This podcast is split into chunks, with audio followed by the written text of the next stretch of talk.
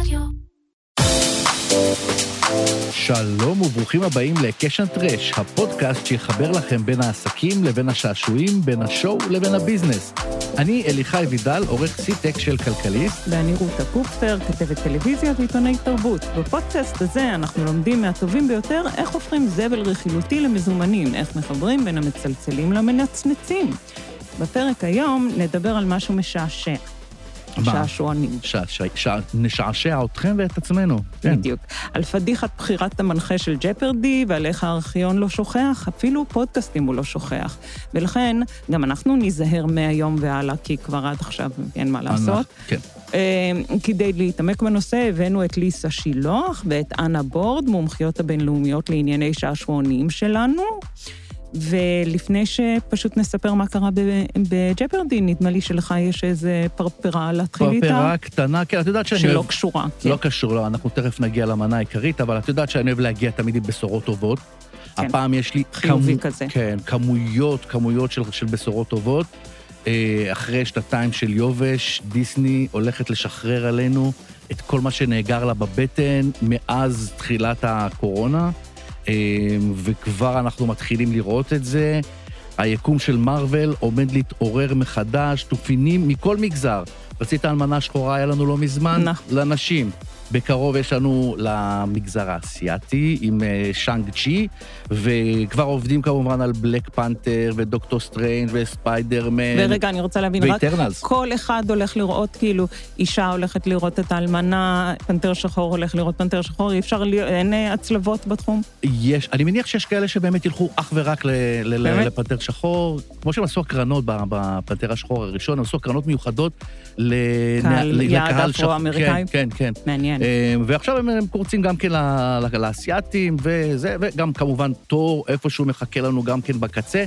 אז בקיצור, תתכונני למתקפת גיבורי על בחודשים, השבועות הקרובים, גם עם דיסני פלוס, מכל מקום, מכל מקום. שמגיעים לארץ, אגב. ב- לקראת אה, אוקטובר. כן. כן. אה, אז אנחנו נקבל את כל המנה הקדושה הזאת בקרוב. וזהו, יש לנו היום תוכנית, אה, פרק ממש ממש עמוס, נכון? נכון. עם שני, שתי אורחות. נכון. אז אה, זהו, זה ממש בקצרה הפתיח שלנו להיום, ואפשר לקפוץ כבר למנה העיקרית. יאללה, קשן טרש, מתחילים.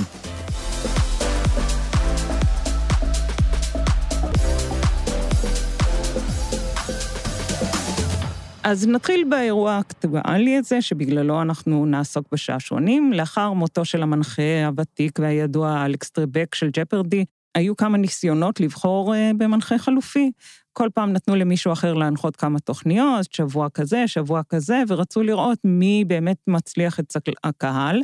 אה, לבר ברטון, יקיר הפודקאסט שלנו. נכון. לא, יקיר כן. הפודקאסט, אבל הזכרנו אותו הזכרנו באמת אותו. בהקשר הזה. לא רק. הוא יקיר הפודקאסט כי הוא ותיק. והוא- וטרקי. כן, וזה. טרקי ו- וקונטקינטה גם. כן, יש לנו קשר אליו. כן. אז הוא נבחר כמועמד פבוריטי, אבל הוא לא קיבל את הג'וב, בגלל שהרייטינג בשבוע שהוא אה, שידר היה פשוט הכי הכי נמוך. אבל את יודעת למה זה קרה, היה רייטינג כל כך נמוך. כי הרי בעצם הזמינו אותו להנחות את התוכנית על פי בקשת הצופים. הריצו איזו עצומה, שמאחוריה עמדו כל מיני Trekkies כאלה, והלחץ היה כל כך מוצלח ו- ו- ויפה, שבאמת בחרו בבורטון להנחות את התוכנית. אבל מה שהתברר אז, שהקהל הזה שרצה את אה, לבר בורטון כמנחה, הוא לא הקהל שבכלל צופה בג'פרדי. הבנתי. ואז אף אחד, לא צפה בזה. הבנתי. אחרים לא מכירים אותו, והגיקים האלה לא, לא הכירו, לא... אה, כן, כי טוויטר מחה על זה. הוא, הוא, בטוויטר, בטוויטוספירה, החליטו שזה בגלל שהוא היה אפרו-אמריקאי. המפיק של התוכנית, מייק ריצ'רדס, החליט שהבן אדם הכי מתאים להנחיה הוא... מייק ריצ'רד, הוא לא אחר מאשר הוא עצמו, וככה, אה, בשביל האיזון הוא הביא את מים ביאליק, אתה זוכר אותה ברור, מהמפץ הגדול? הגדול, כן. נכון, אימי, פארה פולר, אבל אז מה שקרה זה ששבוע אחרי שהוא התחיל אה, להנחות את זה, מצאו כל מיני דברים שהוא אמר בעבר על נשים, כן. כל מיני דברים אה, סקסיסטיים ומגעילים, ועל יהודים, כל מיני דברים על האפים הארוכים של העם הזה. את יודעת, לפני זה עוד גם הייתה ביקורת על זה שנתנו לה רק להנחות ספיישלים, והוא היה אמור להיות המנחה המוביל, וכבר אז התחילה איזושהי מהומה סביב הדבר הזה, ואני לא אתפלא אם מישהו לא חפר בכוונה כדי להחזיר לו, להכניס לו. אז אה, כן, ומה שקרה בסוף זה שכאילו, אתה יודע, נהיה צדק פואטי, גם היא וגם, זאת אומרת, גם יהודייה וגם אישה נבחרה להיות המנחה, בינתיים לפחות, ואנחנו נראה עם כל מיני דברים שהיא אמרה בעבר, גם על הנפגעות של הרוויק ויינסטיין, וגם על אה, אה, חיסונים, כאילו מישהו מנסה להפוך אותה למין אנטי-וקסר כזה, למרות 아, שהיא לא יפה. לא באמת כזאת. אז בקיצור, נראה אם היא ת, תצליח לשרוד את הארכיון שלה. ועכשיו, ועכשיו, אני רוצה אה, אה, לעבור לליסה שילוח. שלום, ליסה. שלום, ליסה. ליסה, אני הולכת רק לקרוא קצת מהקרדיט שלך. את לשעבר אה, הבעלים של אה, חברת יולי אוגוסט הפקות, ואחת היוצרות של פורמט הטלוויזיה לעוף על המיליון, שהופץ סליחה, אני לא יודעת אם אתה יודע, ב-25 מדינות בעולם. מדהים. כן? והיא ניהלה את ערוץ אה, כאן 11 בתקופת ההקמה שלו, וכיום היא לא פחות מהמנכ"לית של קרן הקולנוע הישראלי, כבוד גדול הוא וזה לנו. וזה רק חלק מהקרדיט שלה. כן, כי אין לנו זמן להכל, ליסה. אמ, אז יאללה, אז בואי תגידי לנו ככה רק קצת רקע, מהו המודל הטלוויזיוני של שעשועון? אמ, אוקיי, אז יש, יש כמה מודלים שונים כמובן, יש אה, תתי ז'אנרים שונים, יש אה, שעשועוני אה, משימות, הרפתקאות, יש שעשועוני מזל, אבל רובם, ושעשועוני הטריוויה הם השעשועונים היותר אהודים בארץ, ורוב השעשועונים כולם בעצם יושבים על איזשהו חלום או איזושהי הבטחה. שהחלום אומר, תיכנס לאולפן טלוויזיה, תענה נכון על כמה שאלות, ובתוך שמונה שאלות תהפוך למיליונר. זה החלום. עכשיו, כל פורמט בבסיס צריך שיהיה לו one liner פשוט להבנה. אחד נגד מאה למשל, אם תנצח את כל המאה ותענה נכון על השאלות, תקבל מיליון שקלים. אה, מונית הכסף, תלך ברחוב, תיכנס למונית, תענה על השאלות עד ליעד שלך, תקבל כספי מזומן ביד. זאת אומרת, החוקים צריכים להיות מאוד מאוד ברורים, פשוטים, הסיפור צריך להיות פשוט להבנה. אה, בנוסף כמובן התוכנית חייבת לייצר מתח ודרמה, ואם יש בה אלמנטים קומיים אז זה אה, כמובן מוסיף לחוויית הצפייה. אה, נדרשת יכולת גבוהה ומרשימה של המתמודדים שמנצחים, כי אנחנו רוצים לשמור על אה, התפעלות מהיכולת, ושזה יהיה פייר, שמי שזכה בהרבה כסף זכה. יש גם איזה מין מנעד כזה, נכון? של כמה, כי אתה גם רוצה להרגיש קצת חכם, שאתה גם היית יכול להיות האיש הפשוט הזה שמגיע לאולפן. נכון מאוד, אז מצד שני אה, צריכה להיות גם תחושה שזה בהישג יד, כי באמת חוויית הצפייה בשעשועון היא חוויית צפייה משתתפת, אה, מאוד פעילה, הצופים בוחנים את עצמם מול המתמודדים בתוכנית, וכמובן שבלי הלחץ של ההשתתפות באולפן, ואחרי שהם מוותרים לעצמם על איזה שאלה או שתיים שהם כבר נפלו בה, הם גם מאוד מתרשמים הרבה פעמים מההישגים של עצמם. כן. וואו, הייתי... רגע, היום... הייתי זוכה. זה קצת כמו לראות כזה גם משחק כדורגל, שכולם חושבים שהם היו יכולים להבקיע את הגול הזה, אם רק, אם רק היו נותנים להם. אני, מעניין, אותי, מעניין אותי, היום עם, ה, עם הדיגיטל, שמנסים לשלב בין הפלטפורמה, בין, בין הטלוויזיוני לבין הדיגיטלי, יש היענות גבוהה של האנשים, אם אנחנו מדברים על אנשים מהבית, להשתתף בכאלה, להיות חלק מהמשחק? להיות חלק מהמשחק בדיגיטל? כן. אתה מדבר על פליי אלונג עם ה... כן, כן, ביחד. או שזה, או שזה משהו, או שזה מודל שפשוט לא עובד. אני, אני חושבת שאנשים נהנים אה, לרבוץ מול המסך אם הם צופים בזה בזמן אמת ופשוט אה, או לצעוק או לצעוק בלב את התשובות לשאלות. אה, יכול להיות שזה גם עניין דורי. מי כן משתמש באפליקציה במקום. Mm, לא זה גם נכון. יש איזה כן. פער בין מי שצופים בתוכניות טריוויה לבין מי שכזה בא להם להיות כל הזמן על האייפון שלהם, נכון? נכון. אז, נכון. אז אה, אוקיי, אז תספרי לנו, אה, בעצם זאת הפקה, כאילו, המודל הכלכלי של זה זאת הפקה זולה? תראי, העלויות הגבוהות הן בדרך כלל בשלב הפיתוח. כי אה, רבים מנסים לפתח פורמט של שעשועון, פורמט של, אה, אה, כן, של שעשועון טלוויזיה. אה, יש הרבה מאוד שעשועונים שבאו והלכו, מיליון פיילוטים שנעשו ולא עלו מעולם לאוויר, ולכן שלב הפיתוח הוא שלב מאוד אה, חשוב, ו, ויש, ו, ו, ולעיתים קרובות הוא גם ארוך, וחלק גדול מהפיילוטים נזרקים לפח. אבל בסופו של דבר, ברגע שיש פיצוח של הפורמט, שנעשו כל ה fine-tuning והרבה סימולציות בדרך, ו- וכל הבאגים תוקנו, אם יש פיצוח, אז העלויות הן בדרך כלל עלויות חד פעמיות של הקמת אולפן, ואז בעצם אה, פורמט של שעשועון הוא הופך לז'אנר כלכלי ביותר. זאת אומרת, הוא מצד אחד אתה עושה הקמה חד פעמית, אתה נכנס ליום אולפן, אפשר לצלם שלוש, ארבע, חמש תוכניות ביום, שזה כמות אה, דקות צפייה, דקות טלוויזיה מאוד מאוד גדולות, גדולה ביחס לכל ז'אנר אחר, בטח ביחס לדרמה, גם ביחס לריאליטי. אה, יש פחות עריכה מאשר בריאליטי, זה די live to tape, כן. אה, אז הוא מאוד cost effective מבחינת עלויות הפקה.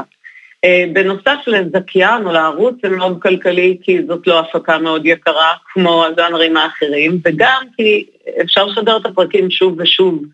כמעט אין הבדל ברייטינג בין השידור הראשון והשני, והשלישי, בניגוד לפרק בסדרת מתח למשל. זה מעניין, כי את יודעת אה, אם הבן אדם הזה זכה או לא, אבל בכל זאת זה לא משנה. את רוצה להכות אותו. כן, בדרך כלל זה לא ישודר שבוע אחרי שבוע. כן, וכבר שכחת, נכון. נכון, נכון, ועדיין את לא זוכרת את כל השאלות, ו... ואם הפרק אה, הוא מעניין ומותח, אז, אז סביר להניח שתיסחפי לתוך הצפייה, גם אם כבר צפית בזה לפני שנה וחצי. אז, אז מה שמכונה הרפיד פקטור מוסיף לערך עבור הערוץ. הבנתי. ו... ומה עם הזכייה? מה עם כספי הזכייה? זה לא כסף? זה לא כסף שההפקה צריכה לקחת אותו בחשבון? מיליון שקל? כן. היי. כן, אה, כמו שוודאי שמת לב, מיליון, לא מחלקים מיליון שקל בכל שבוע, לא לעיתים מאוד מאוד קרובות, אה, ויש איזושהי הסכמה, בדרך כלל בתחילת עונה יש איזושהי הגדרה לתקציב הפרסים אה, אה, שגוף השידור מוכן להוסיף לתקציב של ההפקה, וההפקה צריכה לדעת להתנהל בתוך הדבר הזה. יש איזה ניהול סיכונים, יש איזה שהן סטטיסטיקות. בשלב של הפיתוח של לעוף על המיליון למשל, עבדנו עם סטטיסטיקאים, ועשינו המון המון fine-tuning כדי לדעת אחת לכמה הגיבור יצא, יצא עם כסף. באיזה שלב, בדרך כלל, הוא יפרוש מהתוכנית כי הוא לא רוצה לקחת סיכון, כי מסכום מסוים הוא מעדיף ללכת על בטוח. על איזה כפתורים אתם... מרכיבים. אה, על איזה כפתורים? תני לי איזה שניים, שלושה כפתורים שאתם משחקים איתם ועושים את ה fine-tuning הזה. מה, האופי של האנשים שמלהקים מראש, או, או הקושי של השאלות? אה, א', יש מנעד של קושי של שאלות, ואני, ויש סטאקים של שאלות. אנחנו בדרך כלל, אה, בשעשוני הטריוויה, אה, אנחנו עושים ליהוק מקדים, עם, שכולל מבחני ידע למשתתפים שמגיעים להיבחן לתוכנית. אה, חשוב לנו להביא למשל לתוכנית בתור גיבור, מישהו שיש סיכוי טוב שהוא ישחק משחק ארוך, כי יש לו יכולת, אם השחקן ייפול אחרי שאלה אחת או שתיים, אין תוכנית, אין מתח, אין דרמה, אה, זאת לא טלוויזיה טובה. כן. אז אנחנו כן יודעים מה אה, רמת הידע שלו, אם הבן אדם הוא חזק מאוד בטריוויה או שהוא בינוני בטריוויה, בדרך כלל לא נלהק אנשים שאין להם אה, יכולות, שוב, מאותה סיבה. אה, אז כן, יש, יש רמות שונות, בדרך כלל יש אסקלציה של השאלות, כמו למשל בתוכנית הקלאסית מי רוצה להיות מיליונר, זה מתחיל משאלות שהן כל כך קלות שזה מרגיש מגוחך. מה שנותן לצופה תחושה של וואי, באמת קלי קלות, מה הם עושים צחוק, ואחר כך אה, משחילים שאלות שהן כמעט בלתי אפשריות. כן. אפילו ב-20 שאלות של הארץ לא מכניסים כאלה. לא. אז, ותגידי, כמה משמעות יש למנחה בתוך הפורמט הזה? אה, וואו, אוקיי. תראו, בעיניי, אה, הנחיה של שעשועון זו ההנחיה הכי מורכבת שיש. מנחה של שעשועון צריך קודם כל כריזמה רבה, ויכולות של מנחה talk show, והומור, ומהירות תגובה של סטנדאפיסט. אה, הוא צריך יכולת לנהל ראיון ו small talk עם כל אחד מהמשתתפים, להוציא את הסיפור הקטן שלו. הוא צריך גם יכולת לשלוט בכללים ש... ולהסביר את חוקי המשחק, כדי שהצופים בבית יבינו. הוא צריך לייצר דרמה ברגע שאולי זה all or nothing. צריך לדעת לנהל את הדרמה הזאת ולה, ולהנגיש אותה, הוא צריך להסביר את המצב המשחקי בכל רגע נתון. ובמקביל, אה, יש לו גם עורך שמדבר אליו באוזן בדרך כלל ונותן לו הנחיות מתי לצאת לפרסומות, אז הוא צריך חלוקת קשב מעולה, ורצוי גם שהוא ייתפס כמי שיודע בעצמו את התשובות. אז זאת הנחיה מאוד מאוד תובענית ומורכבת, שבאמת דורשת וירטואוזיות רבה וצריכה להיות, לשדר fun. אה, לא במקרה אה, בארץ יש בערך ארבעה מנחים, נכון. כבר עשרים שנה שמנחים את כל השעשועונים המצליחים בארץ. ולמה הם תמיד בנים? אפשר לשאול את השאלה הזאת? אפשר, זאת שאלה ששאלתי את עצמי הרבה פעמים. הייתי בלא מעט ישיבות שבהן אה, העלינו שמות של מנחות, ולא רק בארץ יש מעט מאוד נשים שמנחות שעשוני טריוויה. אגב, אני מאוד מאחלת הרבה הצלחה למאיים ביאליק, אני כן. שמחתי לשמוע. Uh, התיאוריה שלי, והיא באמת uh, תיאוריה שלי בלבד, זה שנוהגים uh, לתת לנשים להנחיה של חדשות ואקטואליה, אולי כדי לרכך את המציאות הקשה, ולעומת זאת בעולם של חוקים מומצאים, יכול להיות שמחפשים איזו סמכותיות גברית שתשדר uh, אמינות גבוהה יותר לבלוף, שכולנו מוכנים לשחק לפי החוקים האלה שבעצם המצאנו. ויכול להיות שזה פשוט כמו שב late night יש יותר גברים, יש פשוט יותר גברים בתחום ה business כן. הזה. יכול להיות שגם זה הסיפור, לא? התרגלנו. למה זה לא משתנה כבר עשרות שנים? אממ. אנשים לא ניסו, זה לא כן, מגיע נכון. לאודישנים. נכון, היה גם את ה-missing link, נכון? את ה... כן, נכון, נכון. שהיא- רובינסון. כן. נכון. אז עוד רק שאלה אחרונה בעצם לסיום, אני זוכרת שברוק 30 היה פעם כאילו מישהו שם המציא איזה פורמט שקראו לה מזוודת הזהב, את זוכרת במקרה את הפרק הזה? אז אה, אז בשעשועון הזה זה היה, כל מה שהמתמודד היה צריך לעשות זה לנחש איפה נמצא הזהב, בתוך איזו מזוודה. ומה שהם לא לקחו בחשבון, יוצרי הפורמט, זה שזהב הוא כבד, ואנשים ראו פשוט למי-. מי מהדוגמניות הכי. מתקשה להחזיק את המזוודה. אז אני תוהה, האם היו גם לכם אה, אה, ככה מין הפתעות כאלה בפיילוט, דברים שלא ציפיתם בכמה מה- בתוכניות שלכם, ואולי גם אה, כשמכרתם פורמט, משהו שהפתיע אתכם. אה, אז באמת, אה, אחד הדברים בתהליך הפ- הפיתוח של, של פורמט, זה שחייבים להריץ המון המון המון סימולציה, ולפחות בהתחלה לומדים המון מהסימולציות ומגלים המון דברים שנשמעים נהדר בחדר ישיבות, והם או לגמרי לא עובדים, או באמת דברים שמפתיעים. אחד הדברים נניח שהפתיעו אותנו אה, ביום הצילומים של הפיילוט, או אולי זה היה כבר ביום הצילום הראשון של התוכנית לערוץ 10 בזמנו, זה שראינו שכל הגיבורים בלעוף על המיליון, בין אם הם היו גיבור או גיבורה, בחרו, יש, אני מזכירה, יש גיבור באמצע ויש עשרה אה, מתמודדים סביב, סביב אותו גיבור, ויש את הטרקדורס, במות ההאפה, אה, והגיבור צריך לבחור באחד המתמודדים. ושמנו לב שהגיבורים בוחרים קודם את כל הנשים, לנצח אותם. כנראה מתוך איזושהי תפיסה שאולי יהיה קל יותר להפיל אותם, ואנחנו נשארים עם גברים על הבמה, רק גברים על הבמה. וזה גם גברים וגם נשים שכשהן היו באמצע. Mm. בהחלט, בהחלט. אז אנחנו אה, פשוט אה, קבענו ככלל שצריך לבחור גבר אישה לסירובים, יפה. כי זה פשוט נראה לא טוב. ובעולם גם, גם בעולם אנחנו גילינו כל מיני הפתעות, לפעמים הם אה, פערים תרבותיים שצצו מתוך הפורמט והיו או מאוד משעשעים או מאוד מאתגרים. אה, דוגמה אחת זה סין למשל, שאנחנו גילינו שההבדלים התרבותיים משפיעים מאוד על ההבנה שלהם את חוקי המשחק שלנו. החל מדברים קטנטנים כמו אה, הצבע של אה, ה countdown, כש, כשהגיבור עוד שנייה הולך ליפול, אצלנו זה מהבהב באדום, ולפני כן הוא בירוק, ואצלם זה בדיוק ההפך, כי וואו. אדום זה משהו משמח וטוב וחתונה, אה, ודברים כאלה, או שבכלל גילינו שאסור, על פי החוק בסין, לחלק כסף. אז כשהגענו לאולפן גילינו שהם מחלקים טוסטר אובן ומיקסרים אה, במקום אה, אפשרות להפוך למיליונר. כמו גלגל המזל אצלנו בשנות ה-80. בול. אז קוראים לתוכנית לא לעוף על המיליון, אלא לעוף על הטוסטר. בשמחה גדולה לא פחות, אגב, למנצחים. כן, ברור. כן. יפה, ליסה, תודה רבה רבה. נראה לי שהיינו יכולים לדבר איתך עוד הרבה הרבה, ושיש לך מלא סיפורים ואנקדוטות, אבל נצטרך לסיים עכשיו. תודה רבה רבה. תודה. תודה רבה לכם. ביי. להתראות.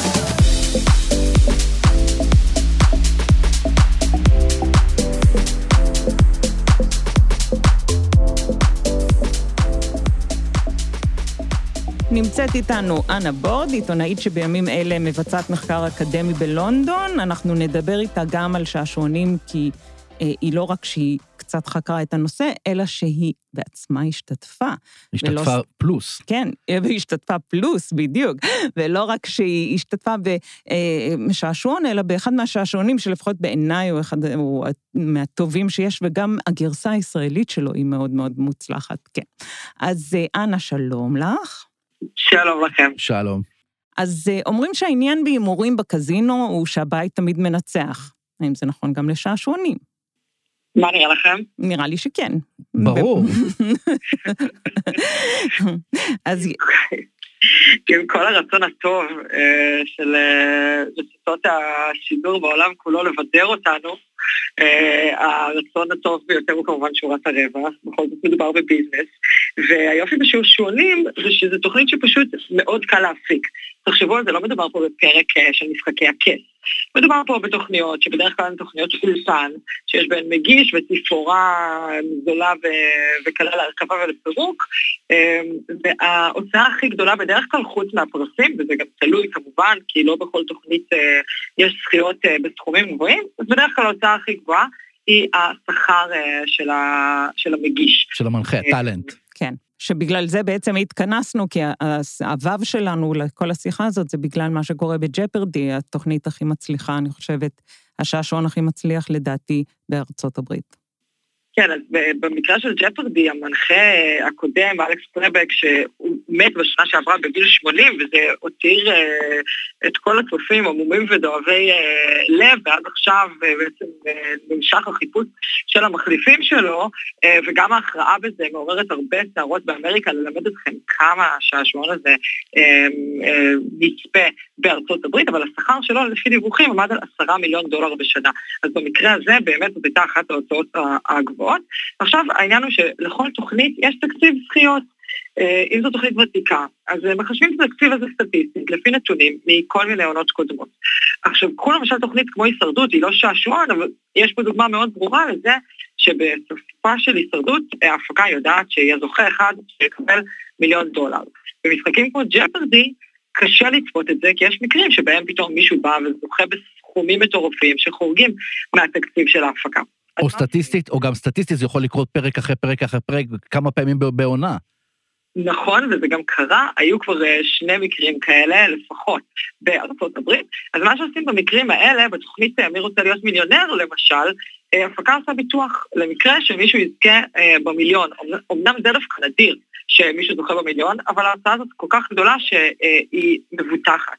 עכשיו לגבי ג'פרדי, אה, בארצות הברית ניסו להבין עיתונאים אה, אם גם לג'פרדי יש ביטוח, אבל אה, זה משהו שנציגי ההפקה שלהם מעולם, מעולם לא אישרו.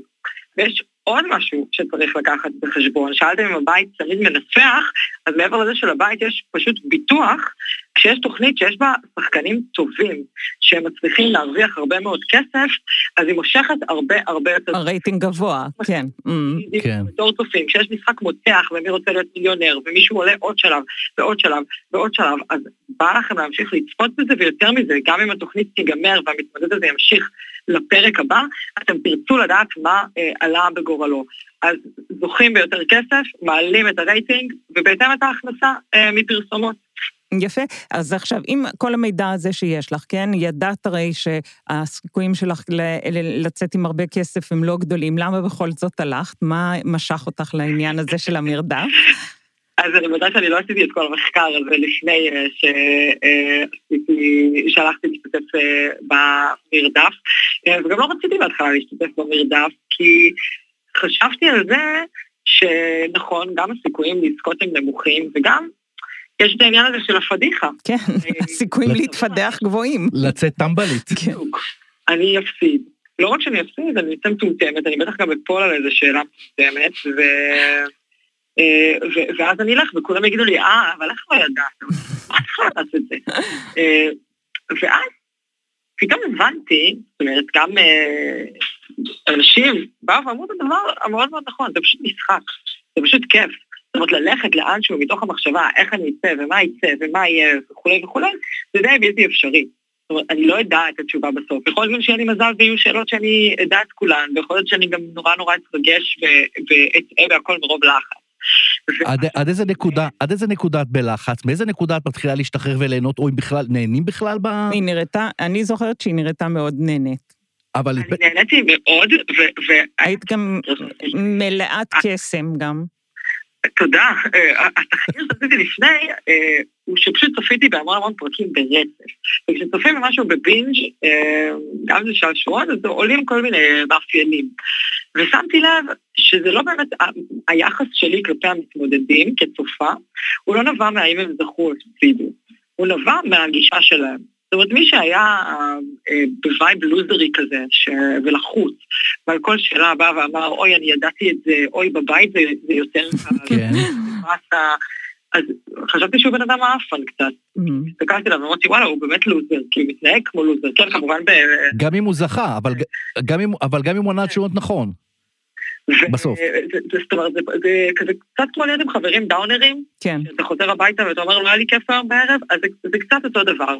ושמתי לב שמישהו מחייך ושמח ופשוט בא לשחק ואומר, זה משחק, יכול להיות שאני אזכה ויכול להיות שאני לא אזכה, אז חשבתי עליו רק דברים טובים. וגם אם הוא הפסיד, אני, בשבילו היה לי אולי קצת עצוב, אבל לרגע לא חשבתי שהבן אדם הזה אה, טיפש או שום דבר אחר. כלומר, זה היה בתוך הפרופורציה האמיתית של זה, בסופו של דבר, שמדובר במשחק. אה, ופשוט עם הגישה הזאת באתי וקמתי בבוקר ואמרתי לעצמי, את הולכת לשחק ואת הולכת ליהנות, וזאת חוויה שלא תזדמן לך עוד, אה, עוד הרבה פעמים. ואז גם זכית. אני חושבת שזה אחת הזכיות הגדולות, אני טועה, אנה?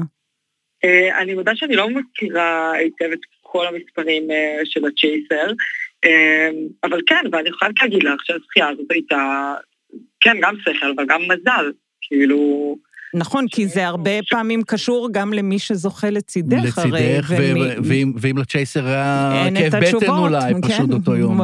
לרגע הוא מפספס משהו, כן? כן, ואני חושבת שסטטיסטית מראש מאוד מאוד קשה לנבא את זה. אני חייבת להגיד, רק מתוך החוויה שלי כמשתתפת דווקא. בתור, אה, לא יודעת, בכובע של עיתונאית, זה הייתי אומרת לכם, טוב, הם בטוח יודעים, זה הכל בכוונה, זה הכל מראש. לא, פשוט לא. אף- כן, נכון, אף- אז אין כאן, הוא לא באמת לא חשים לו את התשובות כמו שטוענים, כמו שקונספירטורים אומרים. הלוואי, הייתי עושה יותר כסף. ומתאימים... לא, לא לך, אלא לצ'ייסר. אני תמיד שואל את עצמי, אני תמיד שואל את עצמי, האם אה, מתאימים את השאלות, יש איזה AI כזה. שמתאים את השאלות. לבן אדם. אתה רואה שיש, נכון? יש, אה, אנה, שאלו אותך שאלות שהם היו כאילו בתחום שלך, לא כדורגל וזה. כן, אבל אני חושבת שזה גם, אגב, חלק מהעניין של לעשות טלוויזיה טובה. כן. כי כשנותנים למישהו שאלות שהן לכאורה בתחום שלו, אז אם, אם הוא טועה, זה מין כזה, אה, אבל אתה, אתה מהתחום הזה, אתה מדען, שאלנו אותך עכשיו שאלה מדעית, איך אתה לא יודע. אה, נכון, ודתיים תמיד כזה מפקששים את הדבר הכי ברור את הפס, מהתנ"ך או בטח שהם משהו. קוראים שלוש פעמים ביום. כן, כן, כי זה גם מלחיץ, כי זה נכון. משהו שאתה אמור לדעת, ומצד שני, כצופה זה גם נורא מפתיע אותך, גם הרגעים האלה שמישהו כאילו נכשל בפורטה שלו, אבל גם הרגעים שמישהו מצליח, ואני כזה, מה? מה היא יודעת על תנ"ך? היא נראית הכי כאילו חילונית ותל אביבית ו-whatever. תגידי, אז כשאתה מוציא מישהו מהדמות, זה תמיד כיף, בכל, בכל דבר. אני, אני רוצה לשאול, יש לך איזה הסבר למה ג'פרדי לא מצליח בארץ? כי לכאורה זה, זה, זה טריוויה. מלך הטריוויה, זה ככה טריוויה קראו הפוכה, לזה. כן, אבל זה לא שזה היה- מצליח. לא, זה לא היה אחד מהפורמטים שהצליחו פה. יש איזה סיבה, משהו? שאלה? אני, אני חייבת להגיד לך שאני לא יודעת לענות על זה בשלוף, זאת שאלה מעניינת, כי בזמנו שודר אז מלך הטריוויה עם אלי ישראלי, ואני חושבת שהייתי צופה בזה, זה שודר כזה בערוצי הכבלים, נכון? נכון. או, אז מה זה, אה. מעל 20 שנה, 25 שנה לפחות. שנות ה-90 לדעתי. שנות ה-90, כשאנה ישבה עם חיתול וראתה את זה. בוודאי. אין, אין תגובה. אה, ככה, מאז אני עוד זוכרת את כל החומרים שעזרו לי בצ'ייסן. אה, יפה. יפה. אבל זה מעניין, יכול להיות שכאילו משהו בפורמט הזה פחות, אה, פחות קצבי, יכול להיות. אה, צריך לזכור שארצות הברית היא מדינה גדולה. נכון מאוד, וגם זה תוכנית דייטיים לגמרי בארצות הברית, ואצלנו היא כזה שודרה בערב, כאילו בפריים טיים. כן. אז תגידי, אנה, בטוח שהיא מתאימה. אז אה, לסיכום, אה, מה הכסף הזה עשה בשבילך? הוא, הוא אפשר לך לעשות שינוי משמעותי? הוא באמת אה, היה כאילו כמו כזה הגשמת חלום, לראות מישהו זוכה בפיס? תראי, קודם כל סגרתי לכל המשפחה שלי את המשכנתאות. ואחר כך זה טיול בגדול ביפן. אני חושבת שלי אישית הוא פשוט אפשר ומאפשר איזשהו חופש, לדעת שיש לי עכשיו איזשהו חיסכון נחמד. וכן, אני חושבת שזה מה שזה מאפשר במיוחד. יש בזה כן משהו כאילו של קצת כזה, אוקיי, יש לך עכשיו איזשהו סכום, אז תעשי איתו משהו נכון, כן? אני לא חושבת שזה משהו שהוא משנה חיים בהכרח, אבל בטח זה מאפשר המון המון חופש, לדעת שיש לך משהו. ובאמת הייתה חוויה מאוד כיפית. ועוצרים אותך ברחוב? עוצרים אותך ברחוב ומזהים אותך? טוב, היא הופיעה בטלוויזיה גם ככה, אתה יודע, היא הייתה בסוכן תרבות. אבל בעיקר, טוב, זה, אבל זה בעיקר, אתם יודעים, עוצרים אותך כזה בכיכר הבימה. כן. כל מיני תל אביבים שמתעלמים לרוב מאנשים שהם מכירים. כן, אבל קרו שני דברים מעניינים. אחד, זה שאחרי הצ'ייסר, וגם אחרי מיליונר, שגם שם הופתעתי לרגע, אנשים שמעולם לא היו איתי בקשר באמת מאז היסודי, ויש סיבה שאנחנו לא בקשר מאז. גם לא כתבו, כתבו לי פתאום נגיד בפייסבוק או באינסטגרם, אבל לא חושבים, וואו, ראינו אותך בטלוויזיה, היה נחמד, היה ככה, היה ככה. כזה, אז כמה זה יוצא לך אחרי מס? אה, כן, כולם נכנסו לך לזה. ברור, זאת השאלה, נכון, זאת שאלה ישראלית. ישראלית מאוד. ברור. קיבלת את זה בתשלומים, קיבלת את זה בבוכתה, אנחנו חייבים לדעת את זה. קיבלת כבר, קיבלת כבר, אז כמה זמן זה אחרי ש... שוטף פלוס, שוטף פלוס כמה? כמה זה? עכשיו, מילא, אתם יודעים, אנשים קרובים, אם אמא שלי שואלת אותי, זה לגיטימי, אבל אנשים שבאמת לא החלפנו מילה מאז התיכון, אז... אז זה היה קצת מצחיק, ואני חייבת להגיד שאיתמר, שזכינו ביחד בצ'ייסר, אז הוא דווקא לא, כאילו, הוא אומר שלא, אף אחד לא חיטט לו ככה בכיס, אני לא יודעת מה זה אומר, אולי אני צריכה לבחון. לא, את רודפת פרסום. זה את אשמה, את אשמה. זה האופי שלך, את אשמה. טוב, ואנה, כיף לך שזכית והיית באמת מועמד, גם באמת מתחרה נהדרת וגם מרואיינת מעולה, אז תודה רבה לך. תודה, תודה, היה ממש כיף. כיף שתדבר איתכם. ביי. ביי ביי. ביי ביי. טוב, ואל תלכו עדיין לשום מקום, כי אחרי המעברון המוזיקלי נחטט בשבילכם בפח המחזור, כי בפח המחזור אפשר למצוא המון שאריות עסיסיות מהארוחות המפוארות שהסלבס זרקו לפח בשבוע שעבר.